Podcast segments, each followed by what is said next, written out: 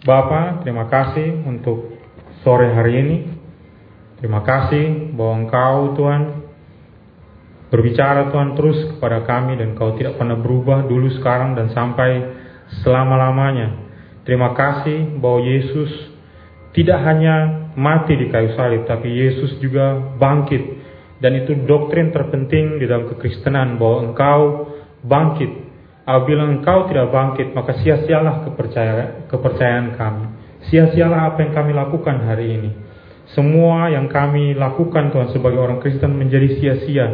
Tapi kami bersyukur bahwa Engkau bangkit dan itu membuat segala sesuatu menjadi berbeda. Biar kami merenungkan kembali Tuhan kebangkitan Tuhan.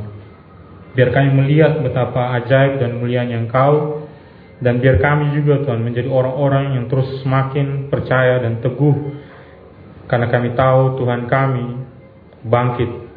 Terima kasih Bapak Berkati firman biar kami semua dikuatkan. Di dalam nama Tuhan Yesus kami berdoa kepada Bapa di sorga. Amin. 1 Korintus 15 ayat 12 sampai ayat yang ke-20. Kebangkitan kita. Jadi bila mana kami beritakan bahwa Kristus dibangkitkan dari antara orang mati, bagaimana mungkin ada di antara kamu yang mengatakan bahwa tidak ada kebangkitan orang mati? Kalau tidak ada kebangkitan orang mati, maka Kristus juga tidak dibangkitkan. Tetapi andai kata Kristus tidak dibangkitkan, maka sia-sialah pemberitaan kami dan sia-sialah juga kepercayaan kamu. Lebih daripada itu, kami ternyata berdusta terhadap Allah. Karena tentang dia kami katakan bahwa ia telah membangkitkan Kristus, padahal ia tidak membangkitkannya. Kalau andai kata benar bahwa orang mati tidak dibangkitkan, sebab jika benar orang mati tidak dibangkitkan, maka Kristus juga tidak dibangkitkan. Dan jika Kristus tidak dibangkitkan, maka sia-sialah kepercayaan kamu, dan kamu masih hidup dalam dosamu. Demikianlah binasa juga orang-orang yang mati dalam Kristus. Jikalau kita hanya dalam hidup ini saja menaruh pengharapan pada Kristus, maka kita adalah orang-orang yang paling malang dari segala manusia. Tetapi yang benar ialah bahwa Kristus telah dibangkitkan dari antara orang mati sebagai yang sulung dari orang-orang yang telah meninggal. Yang berbahagia adalah kita yang mendengarkan firman Tuhan dan yang memelihara dan melakukannya dalam kehidupannya. Awal April kemarin dan akhir bulan Maret kemarin kita dengar ada dua kabar teror. Yang pertama itu bom Makassar, kedua itu serangan di Mabes Polri. Dan waktu saya lihat videonya, itu orang-orang tidak ada rasa takut sekali dengan yang namanya kematian. Mereka sepertinya ada keyakinan bahwa kalau dia mati, dia disediakan sesuatu yang berharga buat dia. Itulah sebabnya dia tidak takut untuk meledakkan dirinya atau berhadapan dengan uh, polisi atau siapa pun. Ya, yang di Mabes Polri itu perempuan. Kau bayangkan dia berani sekali. Ada keyakinan yang kokoh yang dia miliki sehingga dia berani untuk melakukan itu.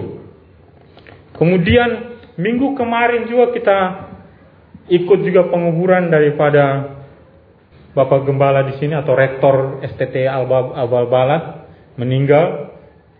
Saya melihat dia punya anak dan juga dia punya istri itu tabah sekali. Tidak kalau mau dibilang nangis ya iya, tapi kita kalau lihat lebih dalam lagi atau kita berbincang-bincang dan mereka mereka kayak sudah merelakan kepergian daripada suami ataupun bapak mereka, Pak Helmi. Dan saya lihat bahwa sepertinya anak-anak yakin teguh dan istrinya yakin teguh bahwa suaminya akan bersama-sama dengan Tuhan. Kemarin juga saya punya saudara, adik saya pergi ke penguburan daripada temannya. Terus waktu dia pergi, ada komentar dari saya punya adik, dia bilang begini bahwa istri dan juga anak-anaknya tidak menangis mereka merasa bahagia, mereka tidak terlalu memperlihatkan keadaan duka mereka. Tahu tidak alasannya? Alasannya karena suaminya itu meninggal di bulan puasa. Istilahnya mereka itu husnul khotimah atau berakhir dengan baik. Jadi karena dia meninggal di bulan puasa, jadi kemungkinan besar dia akan masuk ke surga menurut mereka. Dan kita semua ya, semua kepercayaan selalu harus memiliki keyakinan yang teguh tentang kehidupan setelah kematian. Ya, pernah tidak muncul di dalam dirinya kau keraguan. Misalnya, seandainya kalau setelah kematian tidak terjadi apa-apa. Pernah tidak terpikir sama kau bahwa kalau misalnya mati tidak ada kebangkitan atau itu hanya dongeng atau cerita belaka saja. Nah, itu hal yang mengerikan kalau kita bisa memikirkan bahwa apa yang saya percayai selama ini itu salah. Bagaimana kalau yang dipercaya oleh orang-orang yang meledakkan dirinya dia bahwa dia tidak sampai ke surga? Bagaimana kalau misalnya orang-orang yang meninggal di bulan puasa yang mereka berpikir bahwa yang dia yakini itu tidak benar? Atau bagaimana dengan yang kita percayai hari ini? Tidak benar apabila kau mati dan selesai semuanya. Pernah tidak kau berpikir seperti itu? Saya sendiri pernah berpikir dan muncul keraguan, bagaimana kalau misalnya saya mati dan tidak ada kebangkitan sama sekali? Bagaimana kalau saya mati dan sama sekali yang diceritakan selama ini atau yang dibicarakan selama ini dalam kekristenan itu salah besar atau dusta besar? Bagaimana kalau itu terjadi? Dan orang-orang di Korintus juga, mereka juga berhadapan dengan dua filosofi kehidupan. Beberapa di antara mereka tidak percaya bahwa ada yang namanya kebangkitan. Beberapa di antara mereka percaya ada kebangkitan. Mereka bergumul dengan pertanyaan ini. Bagaimana kalau pemberitaan daripada Paulus itu tidak benar? Dan Paulus memberi jawaban di 1 Korintus 15 ayat 12 sampai ayat yang ke-20 ini. Yesus menjawab pergumulan mereka. Silakan kau pilih. Kau mau terus memegang filosofi orang Yunani atau kau mau pegang apa yang saya beritakan? Paulus memberi tiga alasan untuk kita renungkan hari ini. Paulus memberi argumentasi yang logis atau alasan yang logis kenapa kita harus percaya bahwa Yesus betul-betul bangkit. Kemudian dia memberikan konsekuensi. Bagaimana kalau misalnya betul-betul Yesus tidak bangkit. Dan yang terakhir dia bicara tentang realitasnya. Men, mari kita renungkan satu persatu. Pertama, Paulus memberikan alasan atau argumentasi yang masuk akal bagi setiap orang yang percaya bahwa Yesus itu betul-betul bangkit dan oleh karenanya kita juga boleh memiliki pengharapan sama seperti pengharapan para rasul, para murid dan Paulus yang sudah memberitakan Injil. Kalau saudara perhatikan ayat yang pertama, dia bilang seperti ini. Ayat yang ke-12 maksud saya. Jadi bila mana kami beritakan bahwa Kristus dibangkitkan dari antara orang mati, bagaimana mungkin ada di antara kamu yang mengatakan bahwa tidak ada kebangkitan orang mati. Di antara orang di Korintus mereka bilang tidak ada itu yang namanya kebangkitan tubuh. Tidak ada ini. Kalau kita mati ya sudah, kita mati sudah, selesai sudah perkara. Tidak ada yang namanya kebangkitan. Tapi Paulus bilang, logika Paulus atau argumentasi Paulus bilang gini, kalau misalnya saya punya pemberitaan ini benar, kalau Yesus itu bangkit, maka kita juga yang percaya kepada Yesus akan bangkit juga saudara-saudara. Karena tubuh yang Yesus pakai atau tubuh yang dikenakan oleh Yesus waktu berada di muka bumi ini sama dengan tubuh yang kita miliki hari ini. Tubuh yang sama itu yang mati di kayu salib dan dikuburkan itu itu pula tubuh yang sama yang dibangkitkan.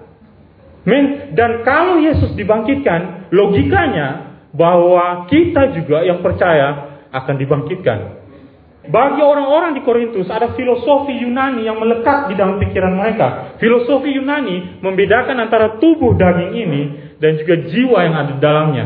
Mereka bilang, tubuhmu ini akan membusuk dan mati. Mati dan membusuk dan menjadi tulang, habis. Tapi jiwamu akan bertahan selamanya. Ada dua pembedaan. Tapi bagi pemikiran orang Kristen bahwa tubuh ini walaupun nanti akan membusuk, kemudian hari akan ada kebangkitan daging di mana kita juga akan kembali seperti sejak kala dengan tubuh yang sama. Men, itulah sebabnya kalau kau baca di ayat yang ke-32 bagian B, dia bilang seperti ini, Paulus bilang, kalau hanya berdasarkan pertimbangan, sorry, pertimbangan manusia saja, aku telah berjuang melawan binatang buas di Efesus, Apakah gunanya hal itu bagiku? Jika orang mati tidak dibangkitkan, maka marilah kita makan dan minum, sebab besok kita mati. Itu filosofi orang Yunani. Kalau misalnya tidak ada kebangkitan tubuh, apa yang harus kita lakukan? Mari bersenang-senang. Mari nikmati hidup ini. Karena kalau kematian datang, semua akan selesai. Dan orang Yunani membenci dengan yang namanya kematian. Kalau kematian datang, semua kesenangan, kenikmatan kita akan dirampas habis. Paham tidak sampai di sini?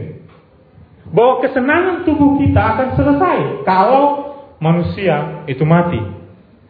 Saya tidak bisa lagi menikmati makan dan minum. Saya tidak lagi bisa pesta, saya tidak bisa lagi pacaran, saya tidak bisa lagi berhubungan badan dengan seorang. Tidak bisa, saya tidak bisa menikmati hawa nafsu daging ini. Makanya bagi orang Yunani, kematian akan merampas semuanya. Apa yang harus saya lakukan? Mari makan dan minum. Karena besok kita akan apa? Mati. Tapi bagaimana kalau misalnya ada kebangkitan? Kalau ada kebangkitan, maka kau tidak perlu takut kalau hari ini kau tidak menikmati kesenangan yang ditawarkan oleh dunia ini. Kenapa? Karena Kristus memberikan kesenangan yang lebih daripada yang bisa kau terima di muka bumi ini. Paham sampai di sini saudara-saudara? Ya, Kristus memberikan apa yang lebih daripada yang bisa ditawarkan oleh dunia ini. Siapa yang bilang bahwa di dunia ini tidak ada yang namanya kesenangan? Siapa yang bilang bahwa dia tidak pernah menikmati kesenangan di dunia ini? Semua kita pasti pernah menikmati yang namanya kesenangan dunia. Matanya kita, telinganya kita, indera perabanya kita, sentuhan, lidahnya kita itu suka dimanjakan dengan semua pemberian-pemberian dari dunia ini. Betul tidak? Men, duduk di pantai, melihat matahari terbenam, sambil menghirup udara segar, meminum secangkir kopi atau es kelapa muda, mengunyah sepotong pisang goreng, diiringi musik favorit, ditemani oleh orang yang kau kasihi. Itu kenikmatan, betul tidak? Itu kenikmatan yang ditawarkan oleh dunia ini. Dan Tuhan menciptakan kita dengan yang namanya daging ini untuk menikmati semua pemberian daripada Tuhan ini. Tapi filosofi daripada orang Yunani itu masuk di dalam filosofi dunia hari ini. Itulah sebabnya kalau kau nonton iklan, apa yang ter, apa yang kau lihat di, di iklan televisi atau Facebook atau apa pun yang segera beli, Segera beli. Karena kenikmatan tidak mungkin kau dapat lagi kalau kau sudah mati. Kau tidak akan pernah bisa menikmati ini. Menikmati ini lagi. Stok terbatas. Itu yang berusaha dunia tawarkan kepada kita. Selama kau masih hidup, nikmati. Betul tidak? Itu yang dunia tawarkan kepada kita. Kepada kau yang anak muda, selama kau masih muda. Kalau kau tua, kau tidak akan bisa menikmati ini lagi, saudaraku. Selama kau masih muda, sama seperti tadi kesaksian saudara kita di sini, dia masih muda, anak laki-laki itu datang ke kosnya dia. Kau tahu itu nafsunya anak muda. Saya mau menikmatinya sekarang dan kau harus berikan sekarang juga kepada saya. Kita ditipu oleh dunia ini, berusaha untuk bilang kalau kau tidak menikmati sekarang, kalau kau mati, kau tidak akan pernah menikmati yang namanya kenikmatan daging ini. Matanya kita harus dipuaskan, telinga harus dipuaskan, lidah harus dipuaskan. Sentuhan, kau kau harus. Makanya kau beberapa orang senang sekali dipeluk oleh bapak dan mamanya. Beberapa saudara mungkin sudah tidak butuh pelukan bapak dan mama. Paham tidak maksudnya? Karena kita semua ingin daging ini dinikmati. Ya, tapi Yesus menawarkan hal yang lebih. Paulus bilang, kalau Kristus bangkit, dan kalau kau percaya, maka dagingmu pun akan bangkit bersama-sama dengan dia. Dan kita akan menikmati kesenangan yang lebih daripada yang ditawarkan oleh dunia ini. Itulah sebabnya kau tidak perlu terburu-buru di dunia ini. Tidak perlu menghabiskan hidupmu di dunia ini. Kau masih akan memiliki kenikmatan di surga sana. Dan kekal selamanya bersama-sama dengan Kristus. Amin. Makanya kalau kau baca ayat yang ke-13, kalau tidak ada kebangkitan orang mati, maka Kristus juga tidak dibangkitkan. Tapi karena Kristus dibangkitkan, karena kami memberitakan itu. Kalau kau baca ayat yang ke-10, eh sorry, ayat yang ketiga dan ayat yang keempat, kau perhatikan ini, faktanya.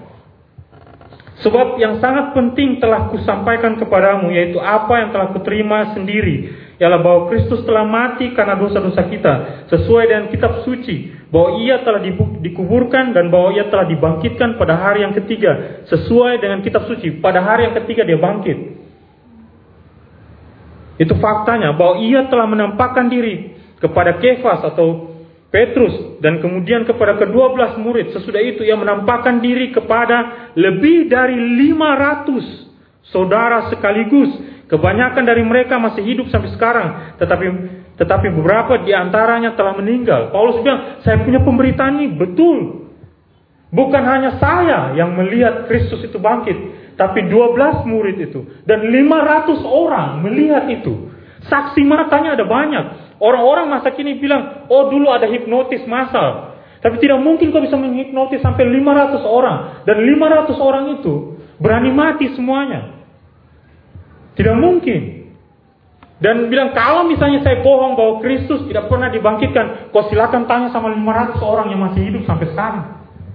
Waktu waktu Paulus menuliskan kitab suci ini. Dan itulah sebabnya dia bilang, kalau pemberitaan kami ini benar, maka kau tidak perlu terburu-buru menghabiskan kenikmatan di dunia ini karena ada kenikmatan yang lebih baik lagi di sorga sana. Amin. Matamu akan melihat hal yang lebih berharga daripada yang kau lihat hari ini. Telingamu akan mendengar yang lebih mulia daripada yang kau dengar hari ini. Kalau surga tidak lebih berharga, tidak lebih mulia, tidak lebih nikmat daripada yang diberikan dunia ini, saya tidak mau pergi ke sana. Tapi karena surga itu lebih berharga, lebih nikmat, lebih mulia daripada apa yang bisa ditawarkan oleh dunia ini, saya tidak takut untuk mati dan tidak menikmati apa yang ada di dunia ini. Kenapa? Karena Kristus memberikan lebih. Kita ambil contoh misalnya di Matius 17 ayat yang keempat, Markus 9 ayat yang kelima, Lukas 9 ayat yang ketiga. Itu bicara tentang transfigurasi atau Yesus dimuliakan di atas gunung dan Petrus naik bersama-sama dengan Yesus. Dia melihat di atas gunung. Tahu apa yang terjadi setelah Petrus menikmati semua yang ada di atas gunung? Dia bilang begini, Tuhan, izinkan kami mendirikan te tenda di atas gunung ini. Dia sudah tidak mau turun lagi.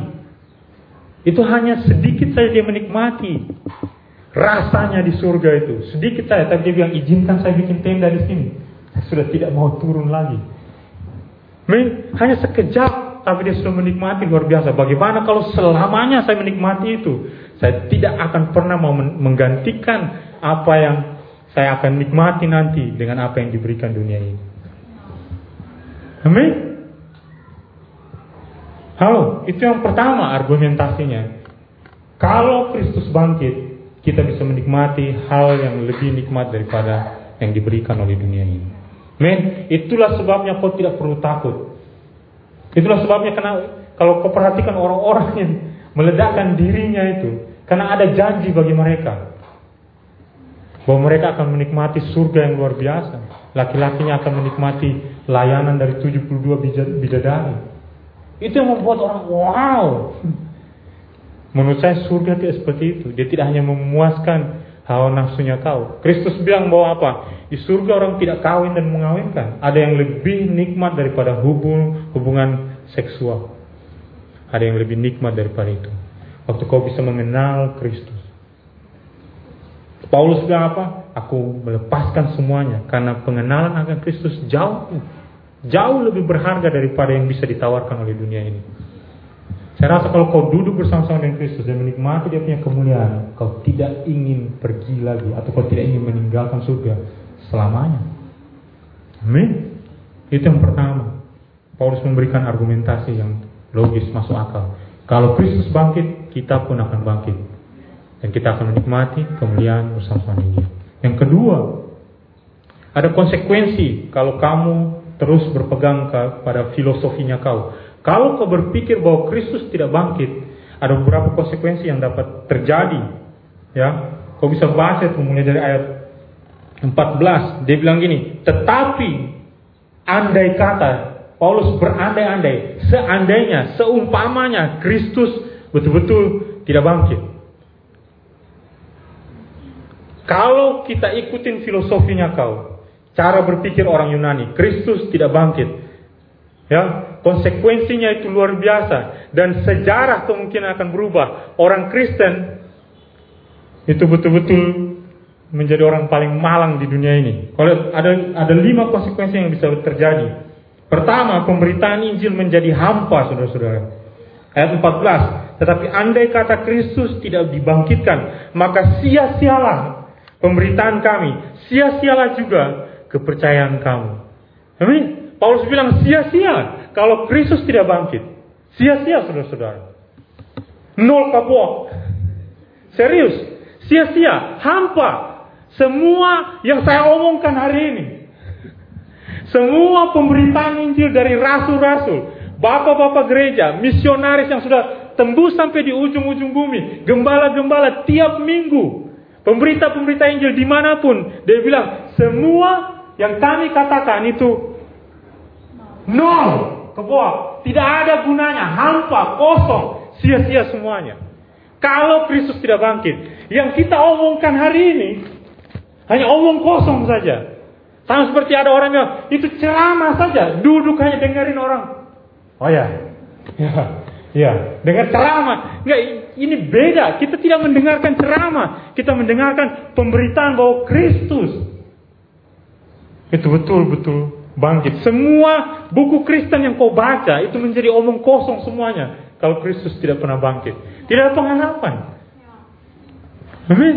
Kenapa? Semua kepercayaan orang Kristen, doktrin-doktrin yang kita pegang semuanya. Kalau Kristus tidak bangkit, itu menjadi sia-sia semuanya.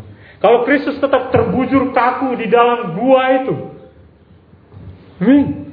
Kita pemberitaan Injilnya kau menjadi sia-sia. Kesaksiannya JK waktu depan dia bilang itu menjadi sia-sia semuanya.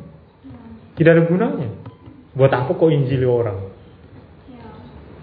Paulus bilang pemberitaan kita sia-sia belaka. Lebih daripada itu ayat 15. Kami ternyata apa? Berdusta. Sudah setengah mati khotbah, sudah setengah mati belajar hermeneutika, uh, belajar tafsiran-tafsiran, sistematika teologi, kau belajar semua, pelajari psikologi kekristenan, homiletika dan segala macam. Dan isinya dan kami yang ngomong di depan ini pendusta. Semua bapak-bapak gereja itu pendusta semua. Misionaris yang datang ke tempatnya kau. Sampai di Sabu, sampai di Pulau Timur, sampai di Sumba sana. Omong kosong semuanya. Pendusta semuanya. Itu gelar paling bagus bagi kami yang memberitakan Injil. Hmm? Pemberitaan ini menjadi sia-sia. Kedua, iman kita menjadi tidak berarti semuanya. Dan sia-sialah juga kepercayaannya kamu. Bukan hanya saya punya pemberitaan, tapi sia-sia juga kau punya iman. Amin. Iman kita menjadi tidak berarti. Zong. Buka tirainya. Kosong. Kau mengharapkan bahwa wow saya akan diselamatkan, buka tirai. Tidak ada apa-apanya, mati ya mati, selesai. Zong. Sama seperti kau waktu panen jagung, patah dia, buka dia punya kulitnya, lihat di dalam tidak ada bulir sama sekali di dalamnya, kosong, hanya tongkol doang, tidak ada isinya. Percuma, percuma bangun pagi baca Alkitab satu tahun menyelesaikan ini semuanya ini. Omong kosong, zong semuanya. Percuma datang ke gereja tiap minggunya. Di, percuma waktu waktu badai kemarin. Saya percaya semua jadi orang yang yang rohani waktu badai kemarin. Sampai komentar daripada kakaknya Jeki yang saya seumur hidup pemabuk. Eh, baru malam itu saya berdoa sungguh-sungguh kepada Tuhan. Sama, saya rasa kita semua jadi pendoa syafaat malam itu. Dengan dua kata saja. Tuhan tolong. Tuhan tolong. Tuhan tolong. Itu diulang-ulang-ulang-ulang sampai pagi. cepat. Cepat. Cepat. Amin. Iman kita menjadi kosong, menjadi tidak berarti semuanya, saudara-saudara. Amin. Ada ada perkataan Bertrand Russell, seorang ateis ya, seorang ateis. Bertrand Russell ada bilang seperti ini. Kehidupan manusia itu seperti iring-iringan yang panjang di dalam malam. dikelilingi oleh musuh yang tidak terlihat, tersiksa oleh lelah dan derita, menuju akhir yang hanya sedikit saja bisa berharap akan mencapainya. Hanya sedikit orang saja yang berharap akan mencapainya. Dan tidak ada satupun yang sanggup lama menanggungnya. Satu persatu sambil berjalan beriringan, teman-teman kita lenyap dari penglihatan kita. Direbut secara diam-diam oleh urutan kematian yang maha kuasa. Benar, kalau kita hanya mengharapkan kematian, kita punya perjalanan seperti perjalanan menuju malam. Tiba-tiba orang di depan kita sudah hilang. Tiba-tiba sudah selesai dia punya hidup. Demikian juga kita semua. Kita seperti menikmati ke, ke, keinginan dunia ini. Tapi tiba-tiba, eh, dia sudah meninggal. Tiba-tiba, dia sudah lewat.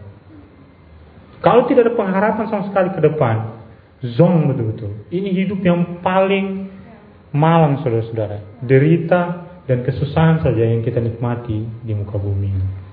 Amin. Pemberitaan kita menjadi sia-sia, iman kita menjadi sia-sia. Kalau kau perhatikan itu dia bilang direbut secara diam-diam oleh urutan kematian yang maha kuasa. Tiap-tiap kita ini hanya tinggal menunggu kita punya urutan dibacakan. Men, itu masa depan yang suram kalau Kristus tidak dibangkitkan. Dan yang ketiga, kalau Kristus tidak dibangkitkan, dosa kita itu tidak akan pernah bisa diampuni. Saudara bisa lihat ayat yang ke-15 ya. Kalau andai kata benar bahwa orang mati tidak dibangkitkan ayat 16 Sebab jika benar orang mati tidak dibangkitkan maka Kristus juga tidak dibangkitkan dan jika Kristus tidak dibangkitkan maka sia-sialah kepercayaan kamu dan kamu masih hidup di dalam dosamu. Jadi percuma Yesus bilang sudah selesai di kayu salib. Apa yang selesai? Mestinya dosamu. Ya, tapi tidak akan selesai kalau Kristus tidak bangkit. Amin. Tidak akan ada yang namanya pengampunan dosa. Tidak ada daripada kita yang bisa menyelesaikan pengampunan dosanya kita. Amin. Itu yang ketiga. Yang keempat, kematian akan mengakhiri segalanya. Demikianlah binasa juga ayat 18. Demikianlah binasa juga orang-orang yang mati dalam Kristus. Bahasa Inggrisnya Then they also which are fallen asleep in Christ are perished. Atau artinya mereka yang tidur akan tidur sampai mereka binasa. Tidak ada yang namanya bangkit. Kau tahu kenapa dibilang rest in peace? Kau beristirahat dalam damai. Karena suatu saat kau akan apa? Dibangunkan kembali. Maka Yesus bilang orang-orang yang tidur orang-orang yang mati dalam Kristus mereka tidur. Kenapa? Karena suatu saat Tuhan akan bilang, oke okay, mari bangun kembali. Mari menikmati kehidupan bersama-sama dengan kita. Tapi kalau Kristus tidak bangkit, kau akan tidur dan tidur selamanya. Kau tidak akan pernah dipanggil untuk bangun kembali. Orang-orang seperti Pak Helmi yang sudah pergi itu, kita tidak akan pernah ketemu dengan mereka lagi dukamu akan menjadi duka sekali. Kenapa? Karena saya tidak akan pernah bertemu lagi orang itu selama-lamanya dalam kehidupan saya. Orang-orang yang kau kasihi yang meninggal di dalam Tuhan, kau tidak akan pernah bertemu dengan mereka lagi. Kakakmu, bapakmu, ibumu, atau siapa pun saudara-saudaramu di dalam Tuhan yang sudah pergi meninggalkan kau, tidak ada lagi pengharapan untuk kita bisa bertemu dengan mereka lagi. Tidak ada lagi istilah pertemuan di udara. Pernah dengar lagu itu? Ada pertemuan di udara, pertemuan yang manis, di mana kita semua akan apa? Dibangkitkan dan bertemu kembali. Tidak akan ada lagi kalau Kristus tidak dibangkitkan. Men, kau tidak bilang sampai bertemu kembali saudaraku. Tidak ada lagi. Kalau kau sudah mati, selesai. Memang itu paling sedih. Makanya kekristenan itu luar biasa. Kalau Kristus itu betul-betul bangkit, saya masih bisa bilang sama kau waktu kau meninggal. Sampai kita ketemu lagi. Tapi kalau Kristus tidak bangkit, tidak ada lagi bilang sampai bertemu kembali. Sudah selesai. Yang terakhir, ayat 19. Jikalau kita hanya dalam hidup ini saja menaruh pengharapan pada Kristus, maka kita adalah baca sama-sama. orang-orang yang paling malang dari segala manusia. Kita nih orang paling malang kalau Kristus tidak dibangkitkan. Kita orang-orang yang paling menyia-nyiakan kehidupan kita. Ada ada satu orang yang chat saya dia bilang kak untuk supaya saya bertobat banyak orang yang sudah disakiti waktu saya bertobat. Saya punya keluarga, saya punya teman SMP, saya punya saya punya warga satu desa, saya punya teman kelas marah semuanya sakit semuanya waktu dia bertobat. Saya bilang kalau Kristus tidak dibangkitkan, itu orang paling kasihan sudah. Kenapa? Dia tinggalkan semuanya hanya untuk mengikuti Yesus. Kau mengambil keputusan paling bodoh di dunia. Kalau hari ini Kristus tidak dibangkitkan, kita semua ini yang bertobat air baru mengambil keputusan paling bodoh di dunia ini. Kita menyanyiakan kita punya kehidupan, saudara-saudara. Sampai ada yang kasih tinggal dia punya pacar. Sampai ada yang kasih tinggal dia punya, kalau mau dibilang tunangannya dia. Kalau Kristus tidak dibangkitkan, kita boleh bilang saja, lu orang paling bodoh di dunia. Kau kasih tinggal semuanya hanya untuk ikut itu orang yang tidak pernah dibangkitkan sama sekali. Dan Paulus juga termasuk orang di dalamnya. Paulus bilang, saya melepaskan segala sesuatu. Tapi sekarang kalau Kristus tidak bangkit, saya orang paling malang di dunia ini. Saya sudah menyanyiakan semuanya. Petrus pernah dalam perjalanan dengan Tuhan Yesus. Dia bilang kepada Tuhan Yesus, Tuhan Yesus, kami ini sudah kasih tinggal semuanya. Apa yang akan kami dapat? Kalau Kristus tidak pernah bangkit, Petrus, para martir, misalnya Stefanus, yang dilempar sampai mati, yang sampai berdoa dengan Tuhan ampuni mereka, mereka tidak tahu apa yang mereka perbuat. Kalau Kristus tidak bangkit, Stefanus dan para martir yang mati demi Kristus, semua kematian mereka menjadi sia-sia. Kau bisa bayangkan itu saudara-saudara? Kalau Kristus tidak dibangkitkan. Makanya doktrin kebangkitannya Kristus itu paling penting. Percuma Yesus menderita, percuma Yesus mati di kayu salib kalau Yesus tidak bangkit dari kematian. Men, itu daftar konsekuensi yang paling parah di dunia ini. Kalau Kristus tidak pernah dibangkitkan. Coba lihat kanan kirinya kau kalau Kristus tidak dibangkitkan, itu orang paling malang. Orang paling bodoh. Teman-teman di kampus akan bilang gini, lu kenapa kau nih hanya untuk ikut Tuhan, kau kasih tinggal kau punya pacar. Hanya untuk ikut Tuhan kau lepaskan semuanya. Ada orang yang pergi ke sekolah di seminari atau sekolah di STT, sekolah tinggi teologi lepaskan semuanya. Orang-orang yang seperti saya lupa dia punya nama penginjil yang pergi ke India yang di malam hari dia ditanya sama Tuhan dalam hatinya dia India atau Lydia. Dia kasih tinggal Lydia hanya untuk pergi ke India.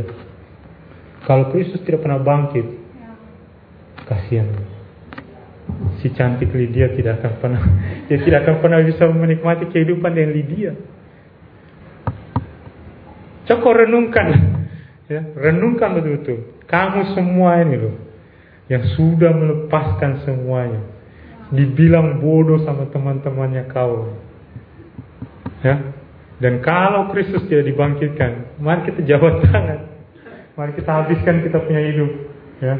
Mari kita bersenang-senang. Kalau kalau ada yang bisa beli bir atau beli beli apa Sopi, mari kita duduk minum bersama dan mari bersenang-senang main kartu 86 sampai selesai, sampai kiamat, sampai sampai maut menjemput kita punya kehidupan. Kenapa? Karena Kristus tidak bangkit. Ini semua kita orang paling malang, orang Kristen itu orang paling malang di dunia ini. Menyanyiakan dia kehidupan. Amin. Syukur kepada Tuhan, puji Tuhan. Paulus tidak tulis hanya sampai ayat 19.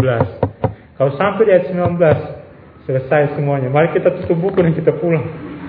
Amin. Tapi ini yang luar biasa dari 20. Tetapi yang benar. Inilah realitasnya. Faktanya. Bahwa Kristus telah dibangkitkan dari antara orang mati. Sebagai yang sulung dari orang-orang yang telah meninggal. Amin. Kau bukan orang yang paling malang di dunia ini. Kau bukan orang paling bodoh di dunia ini. Waktu kau melepaskan segala sesuatu dan mengikut Kristus, kau bukan orang paling bodoh di dunia ini. Kalau ada orang di sekitar bilang kau percuma kau pergi ke gereja, percuma kau percaya kepada Tuhan Yesus, percuma kau pergi ke sel group, percuma tiap hari Selasa malam doa malam bersama para brother duduk-duduk di sana. Mungkin orang bilang bosan bikin apa di situ. Tapi ini hal yang luar biasa karena Kristus bangkit. Semua yang kita lakukan menjadi tidak sia-sia semuanya. Amin. Dan kau boleh datang kepada Tuhan, Tuhan terima kasih kau bangkit. Kau menjadi yang sulung, artinya apa? Dia yang buka jalan bagi kita. Kalau dia bangkit, saya juga suatu saat akan bersama-sama dengan dia. Menjadi anak-anak selanjutnya yang akan bangkit sama seperti sang sulung itu, atau Yesus Kristus. Amin. Itu itulah dasar kekristenan yang orang percaya. Kadang-kadang orang ditanya, kenapa kau menjadi, kenapa kau begitu yakin kalau kau mati kau tidak takut sama sekali? Karena kalau saya mati, saya punya pengharapan yang luar biasa. Bahwa hidup itu tidak berakhir waktu saya mati. Coba lihat kanan kiri hidup itu tidak berakhir waktu kau mati saudaraku. Serius, hidupmu tidak berakhir waktu kau mati. Kau akan kau akan menikmati kehidupan yang lebih berharga daripada hidup ini. Amin. Kalaupun kau meninggal, walaupun kau belum menikah pun, kau akan menikmati yang lebih berharga daripada dunia. Ada amin, saudara-saudaraku. Ada amin bagi saudara-saudaraku yang dipanggil melajang. Loh, itulah sebabnya Paulus begitu bangga dengan dia punya kehidupan. Dia melajang seumur hidup karena dia tahu bahwa bukan masalah menikah atau tidak menikah. Bahwa dia akan menikmati penghiburan yang lebih besar daripada dunia ini. Min, kadang-kadang ini ini kita punya pemikiran. Kau tahu kenapa? Kena, kenapa orang begitu menekankan yang namanya pernikahan? Kau tahu ada juga orang yang diciptakan oleh Tuhan atau dipanggil Tuhan untuk tidak menikah. Karena Tuhan tahu ada yang lebih berharga daripada pernikahan. Ada kenikmatan lebih daripada kenikmatan hawa nafsu seksual. Ada. Dan Kristus bagaimana ya sama bilang sama kau brother sister? Melajang pun itu panggilan yang paling nikmat bagi menurut saya. Kenapa Paulus sampai tulis itu di 1 Korintus pasal 7? Berarti itu panggilan paling luar biasa. Dan saya tidak mau kalau misalnya ada di sini yang sampai umur sudah lanjut belum menikah nikah, kau tidak perlu memandang dia bahwa dia orang paling hina di dunia ini. No. Dia melewati kehidupan yang berharga juga. Paling tidak kau terbuka lah bahwa tidak selamanya menikah itu nikmat. Ya benar, ada orang yang dipanggil dan saya berharap ada orang yang dipanggil di antara kita dan bisa bersaksi bahwa Tuhan saya dipanggil untuk melajang. Kau tidak perlu sakit hati waktu ada yang tunangan, saya dipanggil untuk melajang. Ya kan keren. Daripada kau setiap kali tunangan ada yang keluar, setiap kali ada yang tunangan mas stres sakit hati. Ada orang yang dipanggil untuk melajang. Itu bukan aib. Benar, itu bukan aib. Kita terlalu banyak bicara tentang orang yang menikah dan kita tidak pernah bicara tentang orang yang melajang seumur hidupnya dia. Itu bukan aib, itu panggilan luar biasa. Silakan cari orang yang namanya John Stott. Sampai dia mati dia tidak pernah menikah sama sekali. Pendeta Anglikan di Inggris sana. Dia menuliskan banyak buku dan buku-bukunya banyak sekali menguatkan orang Kristen hari ini. Termasuk saya, saya suka sekali dengan komentari atau tafsiran daripada John Stott. Saya suka sekali orang ini. Dia tidak pernah menikah sama hidup. Amin. Kenapa kita bisa sampai ke sana? ya, itu daftar konsekuensi dan luar biasanya realitasnya Kristus bangkit dan kita akan menikmati kehidupan yang luar biasa karena Kristus itu bangkit. Ada hal luar biasa di dalam kejadian pasal yang ketiga waktu Tuhan bilang memberikan kutuk kepada perempuan itu yang bahwa ular ini akan memagut tumit daripada keturunan perempuan ini. Tapi keturunan perempuan ini akan menginjak kepala ular itu. Nah itu yang luar biasa. Iblis menyangka dia menang waktu Yesus mati di kayu salib waktu Yesus dikuburkan. Tapi Yesus bangkit dan Yesus menginjak itu kepala ular. Waktu dia bangkit, dia mengalahkan maut. Dan itulah sebabnya orang Kristen bisa berkata kepada maut, maut di mana kau punya senang? Sudah tidak ada lagi kekuatannya iblis. Waktu Kristus bangkit. Men, itu yang luar biasa. Itu yang kita percaya, Itu doktrin terpenting bagi orang Kristen. Kristus bangkit dan kita memiliki hidup yang penuh dengan pengharapan. Mari kita berdoa.